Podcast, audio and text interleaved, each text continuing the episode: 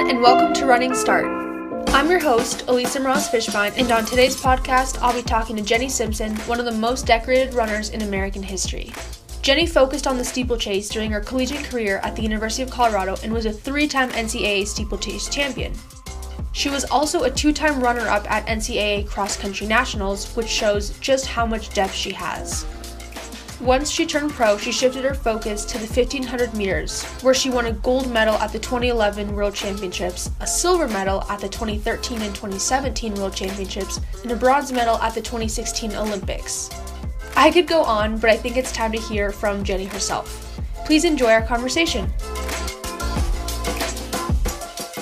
Thank you so much for agreeing to come on my show. I'm really excited to talk to you. Sure. I know it's kind of funny because I mean, I see you in person and in practice, but this will be nice. I can just bombard you with questions. No, no, that's great. I'm glad that we, yeah, have the time set aside to do it. Perfect. So, my first, the first thing I want to talk to you about is Cherry Blossom. I think that was, I mean, that was your most recent race. So, congratulations, finishing second, time of 52.16, and you were just three seconds be- behind Nell Rojas, who also trains here in Boulder, which is pretty cool. So, can you talk me through that race a little bit? Yeah. Uh, first of all, Nell Rojas just uh, did amazing in Boston as well. So um, really fun to have Boulder women still crushing it on the track and the roads. It's kind of fun to be part of that community, and you're part of that community. So um, so that's been fun to continue watching her beyond Cherry Blossom. But um, so after the Olympic trials, not making the team and and kind of having some some disappointment there. I just didn't want my season to end um, on a, on a disappointment. I wanted to be able to train to kind of write a different ending to the 2021 season. And so as soon as I came home from the Olympic trials, it was just kind of a, a, a matter of getting a little bit of distance, a little bit of time between that disappointment and um, and get a, a week or two of training in and just looking at the calendar and saying okay what could we do you know um, and so Fifth Avenue Mile was really obvious. You know, I've done it for so many years in a row and going to Europe and running the 1500 meters, um, kind of finishing out the season with that was kind of an obvious choice. Um, but I've done so much of that in my career. And, and, you know, I kind of knew that the shape that I was in wasn't, um, wasn't, didn't have me prepared to keep going in the 15 that year. So Thought, you know, every year I do what's really kind of expected in the rhythm of of the elite track world. So I wanted to do something really different. And so I went out to Washington, D.C. and ran the Cherry Blossom 10 mile. Um, sadly, it was on the same day as the Fifth Avenue mile, which was um, sad that I couldn't be in two places at the same time. Um, but also really weird to be on the road running 10 miles instead of just one on on that Sunday morning. So I went to the race and the road racing scene is just in general a lot more easygoing and casual um, than than kind of the the crazy intensity of like everybody trying to uh, get through the call rooms and make TV times and stuff. So that was really different at the very beginning of um, the Cherry Blossom 10 mile. Uh, but once we got going, I mean, it's it's running, and we know what we're doing once we get uh, get going in a race. Um, and I just really enjoyed it. It was it was long, it was hard. I had to kind of have my brain engaged longer than than I normally do. Um, but coming out second to to Nell and and having a really great kind of end to my season I felt like I kind of uh, checked all the boxes and got everything, all, all my goals accomplished that day. Good. Well, I'm glad you felt that way. It was really, really fun to follow. And yeah, I can imagine how it was. I mean, because you normally do the 15, so this race is over 10 times longer than that. Can you tell me a little bit about your training leading leading up to it? Because I know obviously you do have a really strength based training and you do a lot of miles, but how did that shift once you knew for sure you were going to do this really long race? Yeah, the truth is my training didn't change as much as I think people think. Um, I from the 1500 to the 10 mile. I mean, the majority of what we do is is mileage, you know, no matter what. And so um, I the biggest change was I wasn't on the track doing you know 12 times 200 anymore. I mean being able to close in under 30 seconds isn't important in a 10 mile race. Mm-hmm. so that part was really different. Um, uh, i think probably the the biggest change um, in my training was that i just did so much more training with my husband jason. Um, so he and i trained together several days a week anyway. Um, but because i didn't necessarily have another training partner that was in town kind of getting ready for something similar um, and also, I had to adjust my running to really early in the morning because this this race in DC started, I think, at 7 a.m. and that's East Coast, you know, so we're two hours different. So I was going to have to start a race at five in the morning Colorado time. so kind of in preparation for that, I just didn't do after afternoon workouts. Um, so that you know gave Jason, my husband, who has a full time job, uh, the opportunity to run with me in the morning, do work morning workouts because um, he he can't he can't do workouts with me at 2 p.m. when we have practice.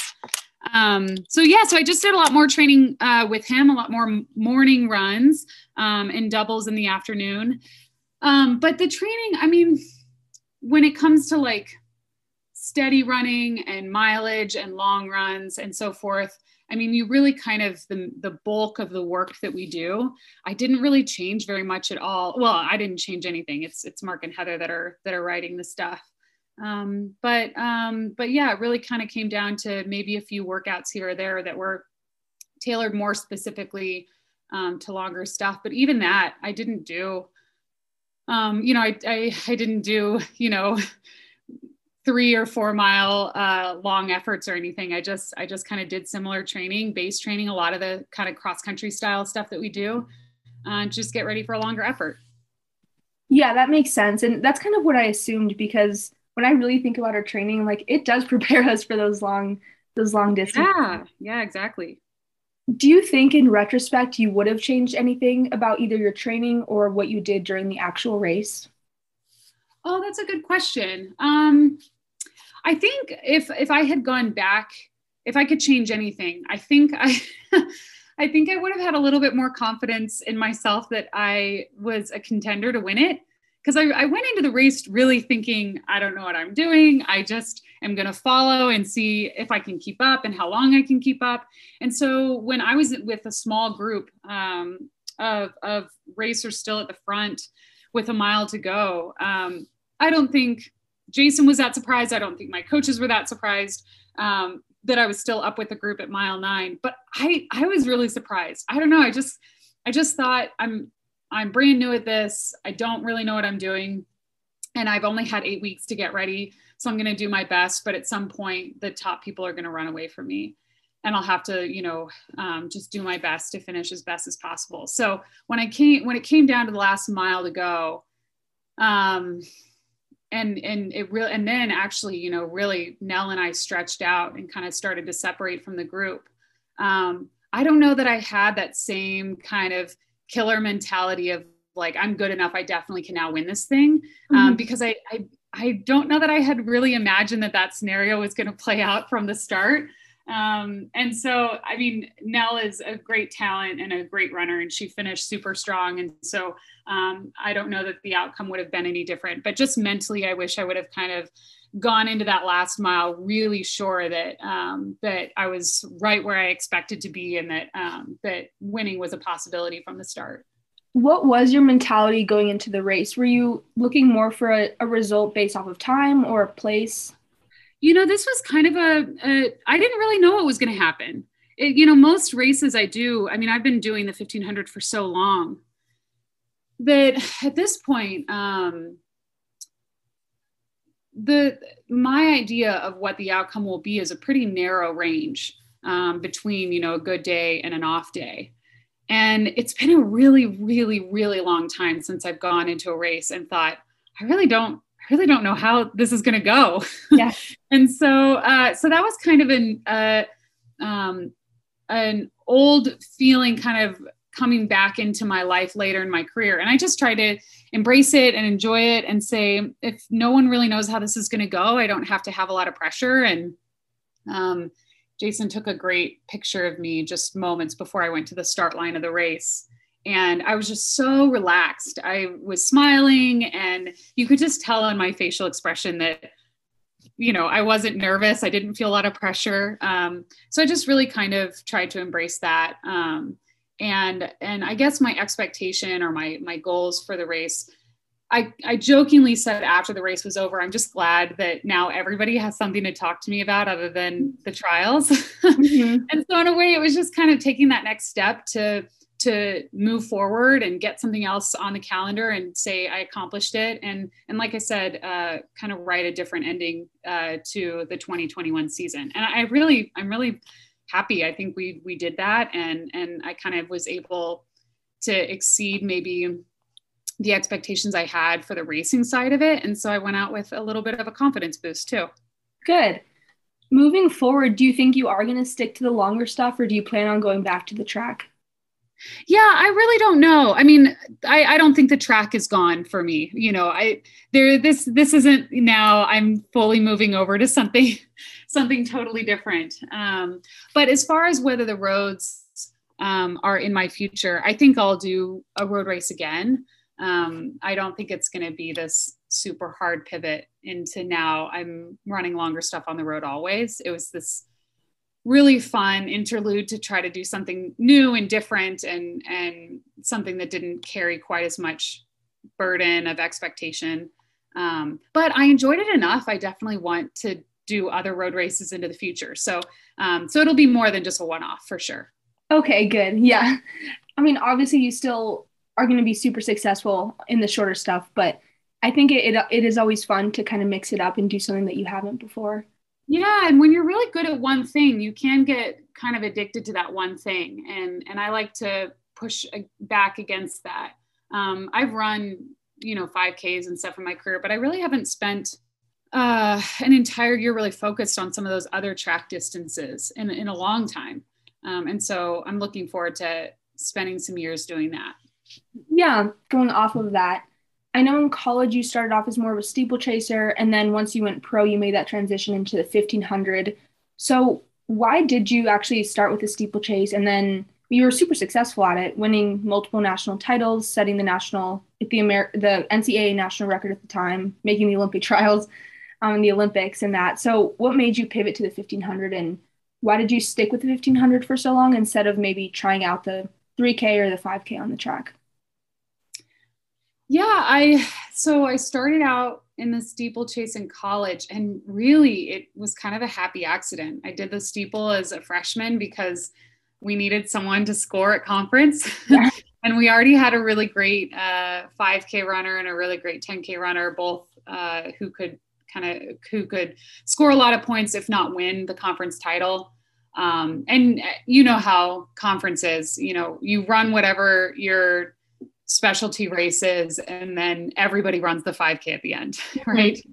so so I, I i i'm pretty sure i doubled my freshman year and ran the steeple and then the 5k um, and i did that most years but um, but yeah I, I came in as a freshman and and mark and heather like to give new people an opportunity to try the steeple just to see if they can be good at it. Most states don't sponsor it as a high school race. So when you come in to college, it's good to just see if anyone has an aptitude for it, you know? So they had me try out a couple of hurdles. I don't think I was anything special from the start, um, but I was uh, at least not terrible enough um, that they they had me stick my nose in it for the conference meet. Um, and I ended up getting second at the conference meet that year and scored you know a lot of points and came back in the 5k and um, and it was it was it was a real success. And so they they sat me down and said you know if you want to try to make the ncaa championships and if you want to try to make a final you really really your best shot is in the steeplechase. Hmm. um, so we went so you know they kind of talked me into it even though after my first or second steeplechase i really didn't like it. I thought it was uh, I don't know. I, I came in to CU really wanting to run the 5K um, and really with that kind of being my dream event. But I thought you're right. The experience is totally worth it. Um, and, and whatever it takes to make uh, NCAAs and then hopefully try to fight for the final, um, it's worth it. So we went. And then my freshman year in college, um, I surprised everyone, including myself and my coaches, and I won. I won NCAAs my freshman year.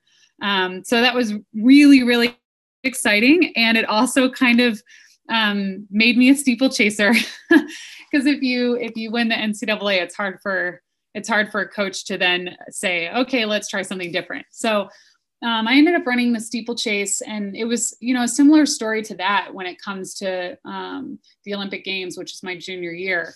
It was like, hey, if you want to try to go to the U.S. Championships, if you want to try to make the Olympic team, you really have a chance in the steeplechase and not in any other event quite the same way. Um, so, just as a result of you know, wanting to succeed at the highest level and participate at the highest level and get the most experience possible. Um, I ended up being a steeplechaser for four years. Um, but it was my senior year in college when, um, gosh, at that point I had been to the 20, 2007 World Championships, 2008 Olympics, and then I was getting ready to go uh, to the US Championships to try to make the 2009 team um, for I think that was in Berlin. And um, before that trials, uh, my senior year, we wanted to run kind of the whole array of distances from 800 to the steeplechase to the 5K to the 15. Um, anyway, so I entered a 15 and I ran well. And then they thought, well, let's see if you can maybe set the NCAA record. So they, um, I don't know how Mark managed it, but he got me an invitation into the Prefontaine Classic and I ran 359. And that just totally changed my world. It launched my career in a completely different direction. I did go on after that to run the steeplechase at the US trials and then qualified for the team and ran the steeplechase at the 2009 World Championships. Um, but that that World Championships was my last steeplechase. After that, um, with that credential of the 359, and uh, seeing a future in the 15 I, I really wanted to explore that and see if i could be good at it um, and the very next world championships i won the world championships in the 1500 so again it was a little bit of a repeat of the story before where when you win ncaa's in the steeplechase it's hard to try something different you know you stick to that uh, and the same is true if you win the world championships in the 1500 meters, you become a 1500 meter runner. So uh, I, I went on to that event and didn't look back. Do you prefer the 1500 to the steeplechase? I think wherever you can find your best success, that's the most fun because right. it's it's fun to work hard and see your hard work pay off and it's fun it's fun to succeed it's fun to be on podiums and and have the crowd on their feet cheering for what you've done you know? Mm-hmm. so i don't know that um i mean yeah the the 1500 meters is really i i could have succeeded in either event i think. Um but man the 1500 is just so exciting.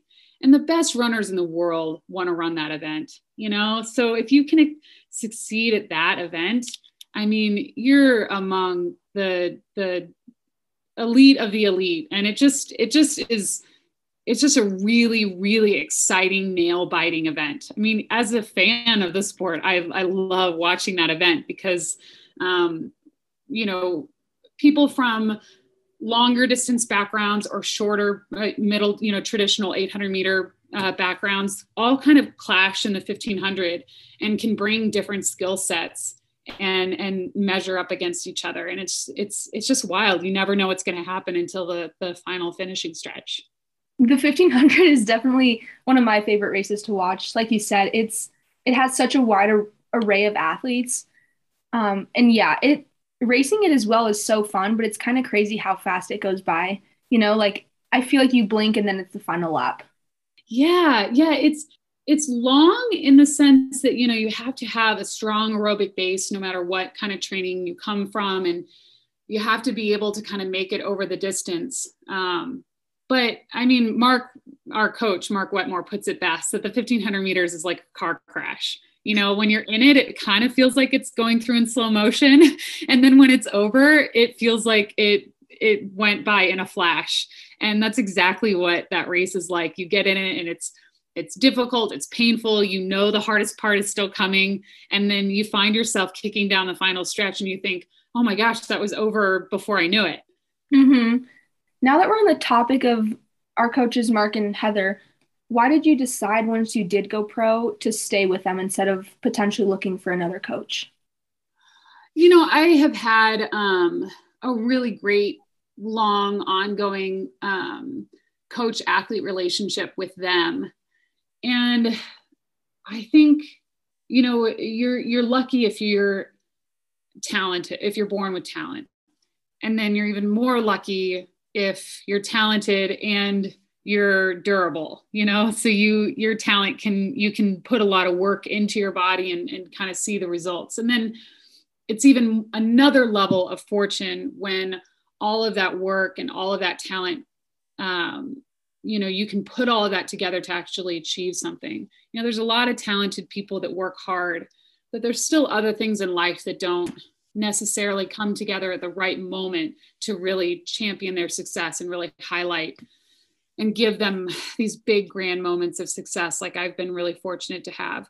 Um, but really like the most elusive most uh, special success is when you have a coach and an athlete that find each other that really bring out the best in each other. And those sorts of relationships within sports you know across all kinds of different sports. I mean those are the ones that really stand the test of time. The when you have talent, you have work ethic, and then you have a coach athlete relationship where they really are just the right fit and the right match. And so when I look back on all the things that I've been, all the ways in which I've been lucky along the way, um, you know, finding a coach that really understands my personality, um, can can really work, you know, match match my level of of hard work, and and we kind of have similar values and and look at my career in a similar way. Um, it's because of those reasons that i think we've brought out the best coach and the best best athlete um, in each of us. Um, and that's that's really been um, a really important special secret sauce in my success over the years so when you find that you try to you try to protect it if you can do you ever wish you were part of a group and constantly had more training partners? Honestly, ever since I was a, a student athlete at CU, I was a Buffalo. I feel really lucky. I've always had um, a kind of um, I mean, you guys are really kind of the best uh, group for me and kind of a feeder program of excellent talent where you know there's so many of you guys that really push me and and I you know it's even though there's you know every year there's uh, an increasing age gap i mean the talent the level of talent that comes into cu is consistently really really good mm-hmm. and so um, between you know you guys the student athletes and then some of the post collegians the athletes who graduate and then stick around for a year or two um, i feel really lucky because you know you can have a training group and say, okay, we're going to work together for however long we have as professionals. But I really have this great um, wellspring of talent that's always refreshing itself. and so, uh, you know, when I was in college, I had people to train with and run with. And then uh, Emma and I overlapped um, short, shortly in college. And then she and I trained together. She, I mean, Emma's probably one of the best training partners I had in my whole career. As far as we were similar in age, we were similar in kind of our ascent um, towards the top of our our events on the world scene. We traveled and raced the Diamond League together for several years. Um, so she and I were really close and had a really really awesome, wonderful working um, uh, friendship and relationship. Um, but then since Emma, there's there's been all kinds of people. I mean, Shalaya and, and uh, Mackenzie and Danny and Sage um, and McKenna. And there's there's really, I mean, I could I could think back the last. Let's see, I graduated in 2009. I mean, since 2009, um, there's been really every year a number of people um, that I've I've had, you know, a wonderful experience training with and a lot of them have made have you know made a lot of success out of their careers and so it's not like i'm just training with college people i'm training with really great pros as well you know, Billy and I went to the 2008 Olympics together. We were both steeplechasers on that team. Obviously, Emma and Shalaya made teams. Val just made the, the Olympic team in 2020. So all of these training partners, um, I've I've been I've been really really lucky to work with over the years. Mm-hmm. I don't know. I guess I always saw you training with one person, but like you said, you're always having new training partners and really good ones too. Yeah. And one quick note too is that, you know, I just mentioned a lot of female names, but sometimes the people that push me the most are are freshman men. You know, we have freshmen and sophomore guys that come in and uh, you know, we go up to the mountains for a long run and they're kind of a perfect match for me. Um, and and kind of latching on to some of their groups and doing long runs or steady efforts or something with some of our younger men. Um, and and over the years, I mean, it just it never ceases to amaze me how um, kind and how welcoming and how excited they are to be training with me. I always kind of expect that they they I don't know, not that they wouldn't want to train with me, but you know, it's like, uh, why is this old lady running behind us and trying to keep up, you know? Um, oh, but over the years, some of my best training partners have been um, have been some of the men on the team. Oh, I know they love it because I mean we have a huge freshman class this year. I think it's nine men. Yeah. And, yeah. I remember after I think the first time, I don't know if it was Gold Hill, one of our like high up runs. I remember they all came into the training room like, "Oh, Lisa, like we ran with Jenny, Jenny Simpson." I'm like, "Yeah, she like you'll run with her a lot, I'm sure." And they were so excited. It was so cute. That's really sweet. Okay, my next question before we transition to the listener questions is just a little bit about your sponsor of New Balance. Yeah. Um, yeah. How did you choose that sponsor? And you've obviously had a really long relationship with them. So can you tell me a little bit about that? Oh, man. I mean, I, I talked about how an athlete can be lucky. I mean, I just, I couldn't have chosen a more supportive and wonderful sponsor. Um, they've, they've just been so loyal and so good and so encouraging and um, resourced me in every way I, I could have wanted. Um, and sometimes the the best thing they've done is is is take a step back and let me just focus in on my career and do my thing. You know, so um, in so many ways they've been uh, a wonderful uh, sponsor and patron of, of my long career of work. Um, I just finished my 12th year with them. So oh, wow. 12 years as yeah as a New Balance athlete. Um, you know, I so so anyway, 12 years. I mean, that means that I chose them as a sponsor a long time ago. So I I um, you know, it, it's it's been a long time, and I feel like the reasons why I chose them, you know, I I, I get new reasons every year why this is a really a really good choice for me. But um, going all the way back 12 years ago, they're just they're they're just a wonderful, wholesome group of people that are trying to make people's lives better. You know, they make running shoes, but um, but from the from the Davis family all the way down to uh, our tracksters that are uh, pounding the roads trying to sell shoes um, to run specialty stores. We just we just have a wonderful ethic and a wonderful um, value driven. It's just a wonderful value driven company um, that really treats people well. And so when I when I met a lot of the group, when I got to go into the factories where they make shoes, um, you know, you just you just feel like you're in the presence of people that just really care about each other and care about the work that they do and the message they put out into the world. And um, it, it just has been a good fit in that way ever since. Um, the other the other really important part of it is the people that are in the um, running marketing division. They totally totally get running um, and they they have been athletes and coaches and track nerds their whole lives, along with being uh, uh, running, uh, you know, part of the running marketing team for New Balance. And so it feels good to be with a sponsor that not only has the resources to help you, but that they totally understand what you're trying to do. And when they celebrate my successes, I mean, they understand the work that went into it and how huge it is to accomplish um, the things that I have at the level that I have. Um, and that's true, you know, for, for other women on the team as well, not just me. So, um, and then since I signed with New Balance, they put together just an unbelievable squad of middle distance women. And so over the years, I've just had this kind of incredible cast of women on this team with me um, that really exemplify, I think, what's best about the sport. So uh, yeah, there's a lot. There's a lot of, of, of love there and a lot of appreciation. And um, I'm, I'm really grateful that along the way I've had so much consistency both in my coaching and in my sponsors. Yeah, I'm glad you feel that way. And definitely looking at the Olympic trials and the Olympics, there were a lot of New Balance athletes, which was cool to see. Yeah, it's fun when you go through. I mean, it's we all went through such a difficult year and a half, um, and and it was, you know, it was disappointing for me at the end of that year and a half to not have made the team but to to look at the at the team that did go to Tokyo and see how many New Balance people were on it, um, that was a real joy for me. I want to just briefly touch on the new shoe technology and stuff. I know Nike right now is kind of at the forefront of all the shoe technology with their super shoes and the next percents.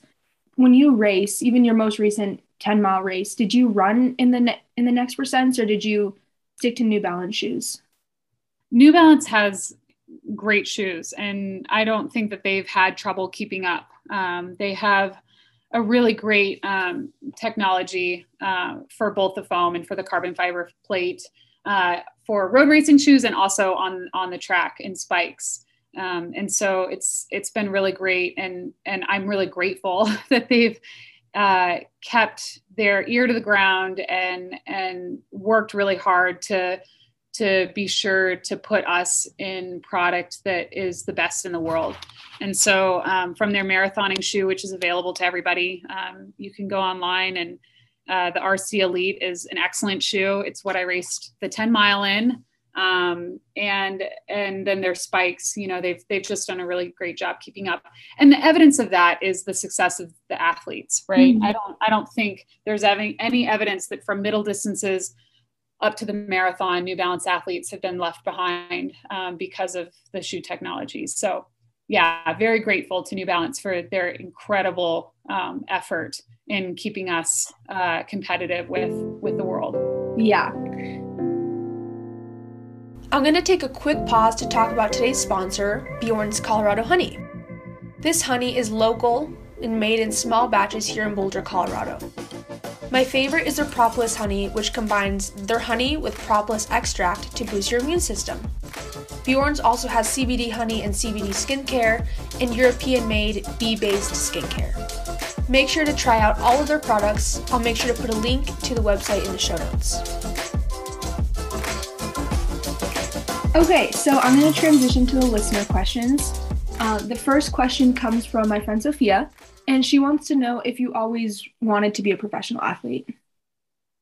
Oh, that's such a good question. Um, no, I never, I never really imagined that uh, being a professional runner was my future. Um, when I was in high school, I was surprised that I was good enough to get a college scholarship, and so um, I was excited to come out to the University of Colorado and, and run on their team. And all along in college, I, I really tried to set myself up so that when when the running uh, success kind of came to an end or started to taper off, that I would have um, I would have set myself up for the next career. And so I really envisioned myself um, going to law school, uh, getting into politics or economics, um, and and kind of having a more traditional, normal career path in life. And it really was when I made uh, the 2008 Olympic team that that that vision kind of started to change a little bit. And as a junior in college, thinking, okay, if I can make um, if I can make the Olympic Games, maybe I can maybe I can be good enough to keep running after college for a little while. And even even then, it was I mean, I went to the Olympic Games, and that same summer, I was also interning in a senator's or in a congressperson's office um, because I was doing an internship, thinking like, you know, I still need to stay on track uh, for all the goals that I have in school. Yeah, and I'm really happy I did that, and and that was all like really gratifying and, and edifying experiences. But um, the thing that really changed things was when I ran 359 at the Prefontaine Classic. I mean, that's when uh, at the time, it was the I was the fourth woman in U.S. history to break four minutes in the 1500, and that really changed the landscape for me um, in my my potential as a professional and to be able to go on. I mean, that took me from you're a steeplechaser that could kind of you know consistently make finals and and maybe eventually medal in um, the world championships to you know somebody that could contend on the world level in the 15 so um, so I'm really grateful that everything worked out and Mark got me that opportunity in pre because it really kind of launched my career into a, a very real um, professional direction. You briefly mentioned the internship that you had in 2008. And I was talking with Billy, our, our coach, Billy Nelson, and he said that you had to call them and be like, hey, I actually can't finish this internship because I just made the Olympics. yeah, yeah. I was doing I was doing my internship with Congressman Perlmutter that summer. Um, and he yeah, I had to go into his office and say, I'm really sorry, I have to I have to leave. And I, of course, you know, like any internship, I, I had a certain number of hours I had to do. And then I also had to write a really big paper at the end. And the school was great. I mean, they worked with me to give me a, an extension to write the paper. I was able to squeeze in all my hours and get um, all of those requirements fulfilled before I left. But yeah, I had to, I had to kind of ask for some accommodations because I made the Olympic team. And I was, I was, I mean, as any young person should be, I was anxious going in and, and saying, I'm really sorry. I'm, you know, I'm going to have to uh, ask for you to kind of give me some, some special treatment here. And I was really nervous as a young person should be, but of course, I mean, they were just over the moon. They were so excited. They couldn't believe it. And, and, um, uh, Congressman Perlmutter was just so supportive and wonderful. He um, mentioned me on the floor um, when he spoke, when he addressed Congress at one point after after I'd finished my competition, and then really, really sweetly, wonderfully um, sent me a message um, and and a little uh, a little document four years later where he mentioned me again um, when I made the the Olympics four years later. Um, so it's very sweet. He's obviously really kept up with my career and and gotten a lot of a lot of uh, hopefully a big kick out of the fact that his intern, uh, yeah, made the games and then went on to to have a successful career after that. Oh, I'm sure he was so so excited about that. Yeah. okay, the next question comes from Kyle. This is kind of a fun question. He wants to know a little bit more about Truman, your dog, and how you came up with a name for him. I love Truman. He's such a he's such a sweet sweet boy. Um yeah, so like a lot of people kind of at the very start of lockdown and pandemic life, we um, pulled the trigger and adopted a little a little terrier. He's mostly Jack Russell, um, but who knows? He's he's adopted, so he's a sweet little adored mutt in our home. Um, but yeah, we named him Truman. My husband went to Truman State, and that's where he um, ran in college and where he graduated.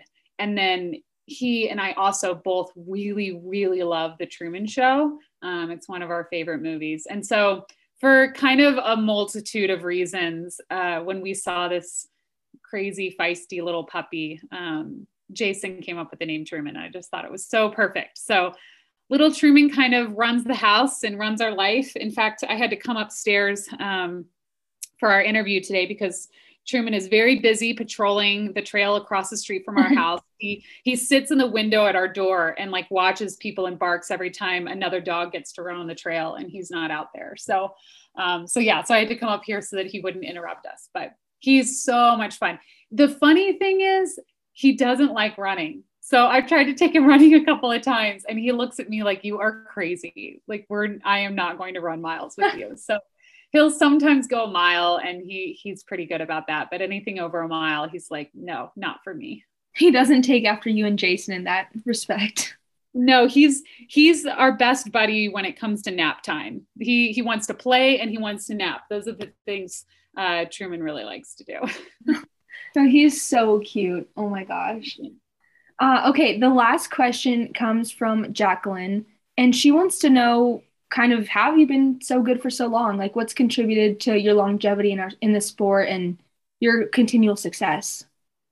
Oh man, I mean, some of how it all works out, you never really know. You know, you look back and you think, I made a good decision here. I got kind of lucky here. I could have never planned for this and it worked out here. So some of it you think, okay, I worked really hard. I made good decisions.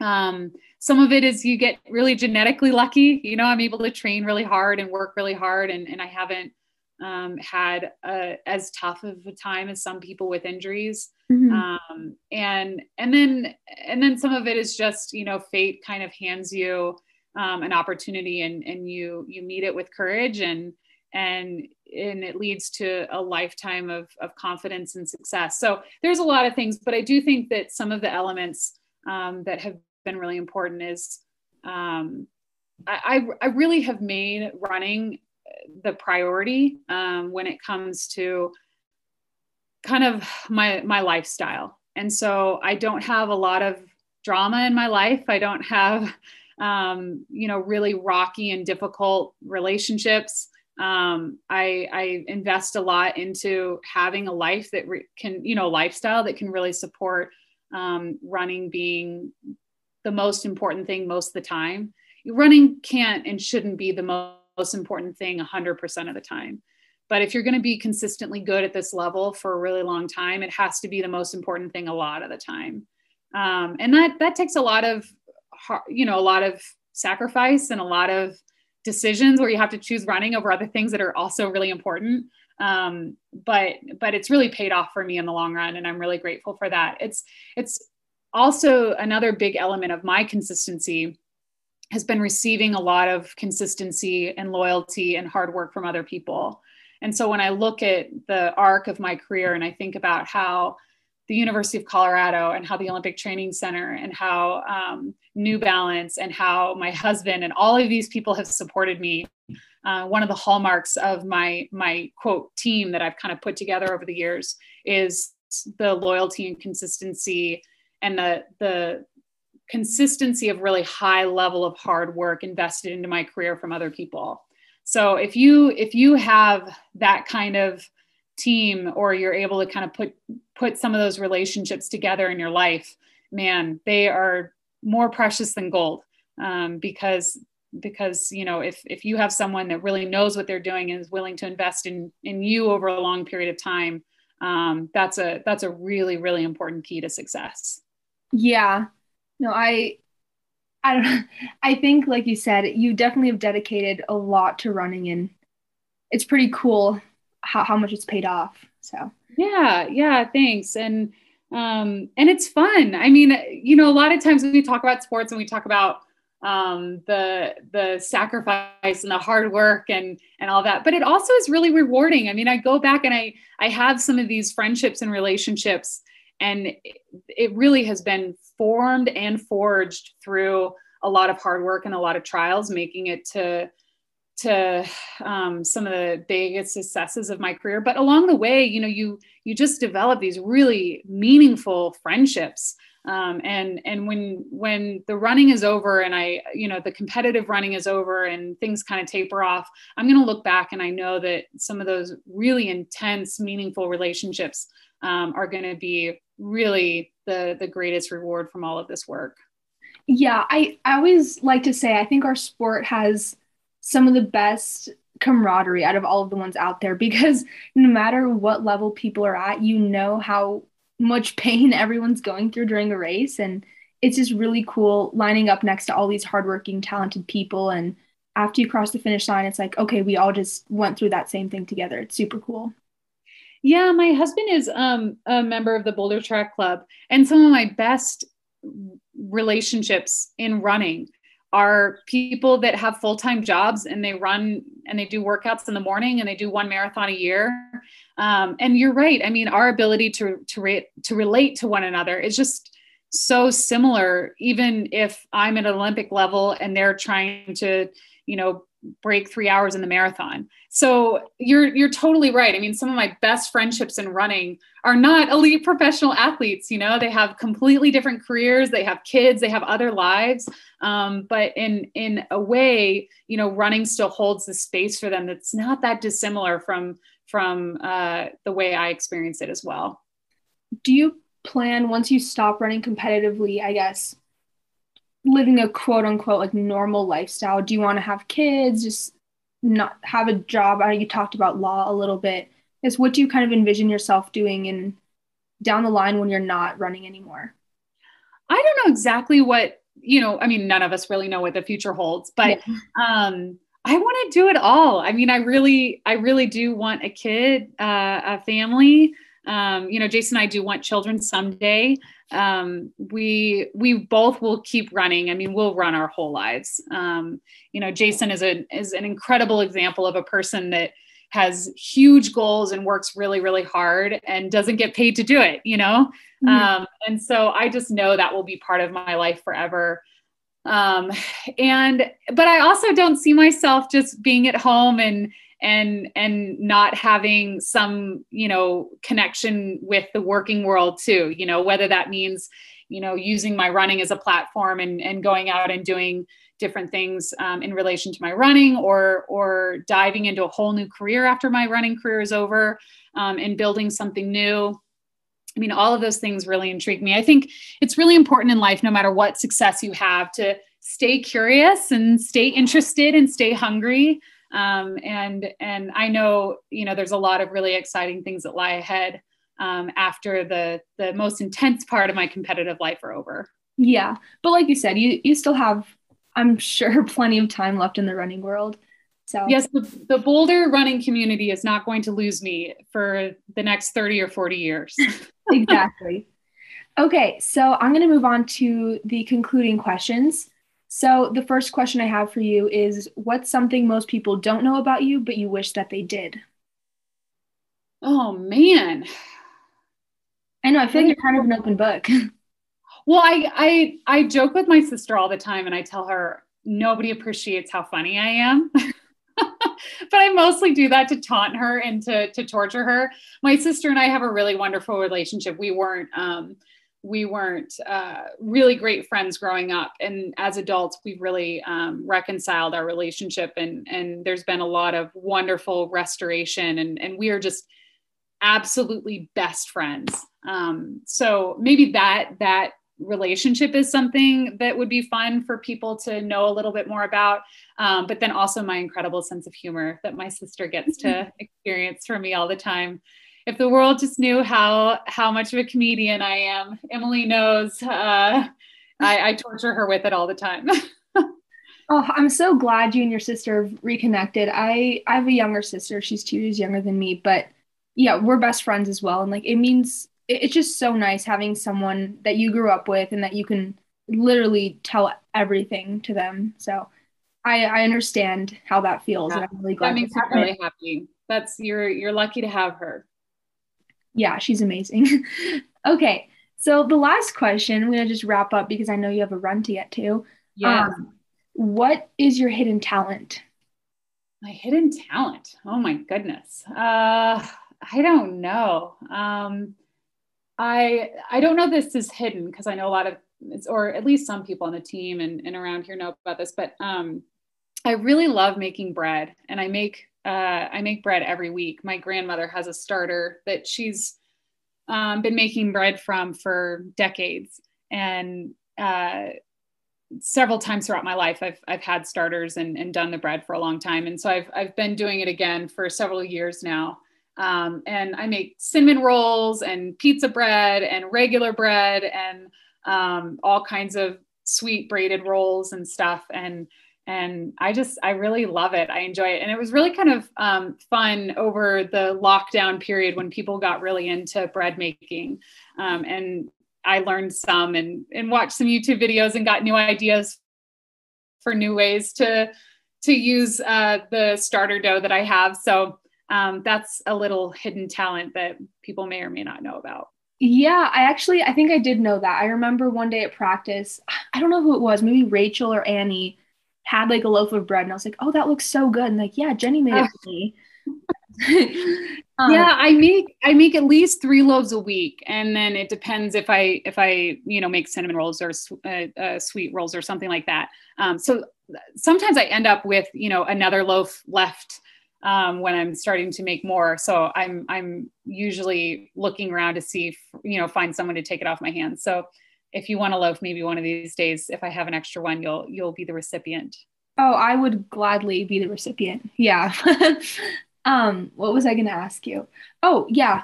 A yeah. lot of people wanted to know about your relationship with like fueling and how you balance, I guess, making sure like you get enough nutrients to support all the work you're doing running wise while also maintaining a healthy relationship with food? Yeah, uh, that that's that is a journey that you have to go on if if you want to be a great elite athlete. Um, food is really important, and fueling is really important, and and and dialing that in without becoming obsessed with it or or developing a disorder is is an important part of that journey. Um, I I think. you know, there's all kinds of different theories and different ways to tackle it. But I think the simplest thing is as you learn to cook, and if you learn to cook for yourself, even if it's simple stuff, you know, I'm I'm not a fancy chef. I'm a really, really basic cook. But the more you learn how to cook, the healthier you're going to be. Um, you know, you you become a little bit, you become more educated and more aware of what's going into your food just naturally um, as of the process of cooking. Um, and you don't even have to have some kind of great interest or set aside two or three hours every day. There's really simple stuff you can learn to do. Um, and the more that you're cutting up vegetables and cutting up fruit and boiling pasta and, and doing that stuff at home, that means that you're not opening boxes and microwaving things for that have a lot of preservatives and stuff. So um, the the quickest and most simple advice I can give somebody is that the best path that I personally know to having a healthy relationship with food and then just incrementally learning more and and and and being healthier is is to to invest a little bit of time and a little bit of energy in cooking. Um, and and the better you get at it um, the less the less of a burden it is. Um, and it really kind of starts to to feed itself. And you know if you can just learn one or two new recipes a month. Um, you know at the end of the year you'll know 20 20 different things that you can make. And so if you can if you can break it down like that it really is not um, as labor intensive as it sounds at, at the onset. And like i said you just kind of naturally learn a lot of the healthy things along the way. Yeah i i agree. And it is super fun. And i think aside from knowing what's in your food and like eating a variety and healthy lifestyle I do think there is something to be said too about cooking for yourself and enjoying the process of cooking and sharing with others is really fun exactly. as well. Exactly. Well said. Well, thank you so much. Um, those are all the questions I have for you, but is there anything you want to add in general about your career? No, just that it's been uh, it's been a blast, and I'm as curious as anyone to see what the next year or two bring. Um, I'm still, you know, my body feels good. My my heart still really loves the work and uh, and I I hope I still have a few surprises and a few big um, successes for for fans of mine and family and friends to enjoy. So here we go. Hopefully another few years ahead. Definitely. I'm excited to follow.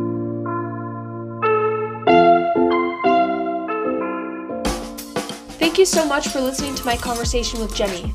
Make sure to follow her on Instagram at TrackJenny and follow me on Instagram at Elisa M. Fish. Also, make sure to subscribe to my podcast and leave a rating if you enjoy the show. Thanks again for tuning in and keep an eye out for my next interview.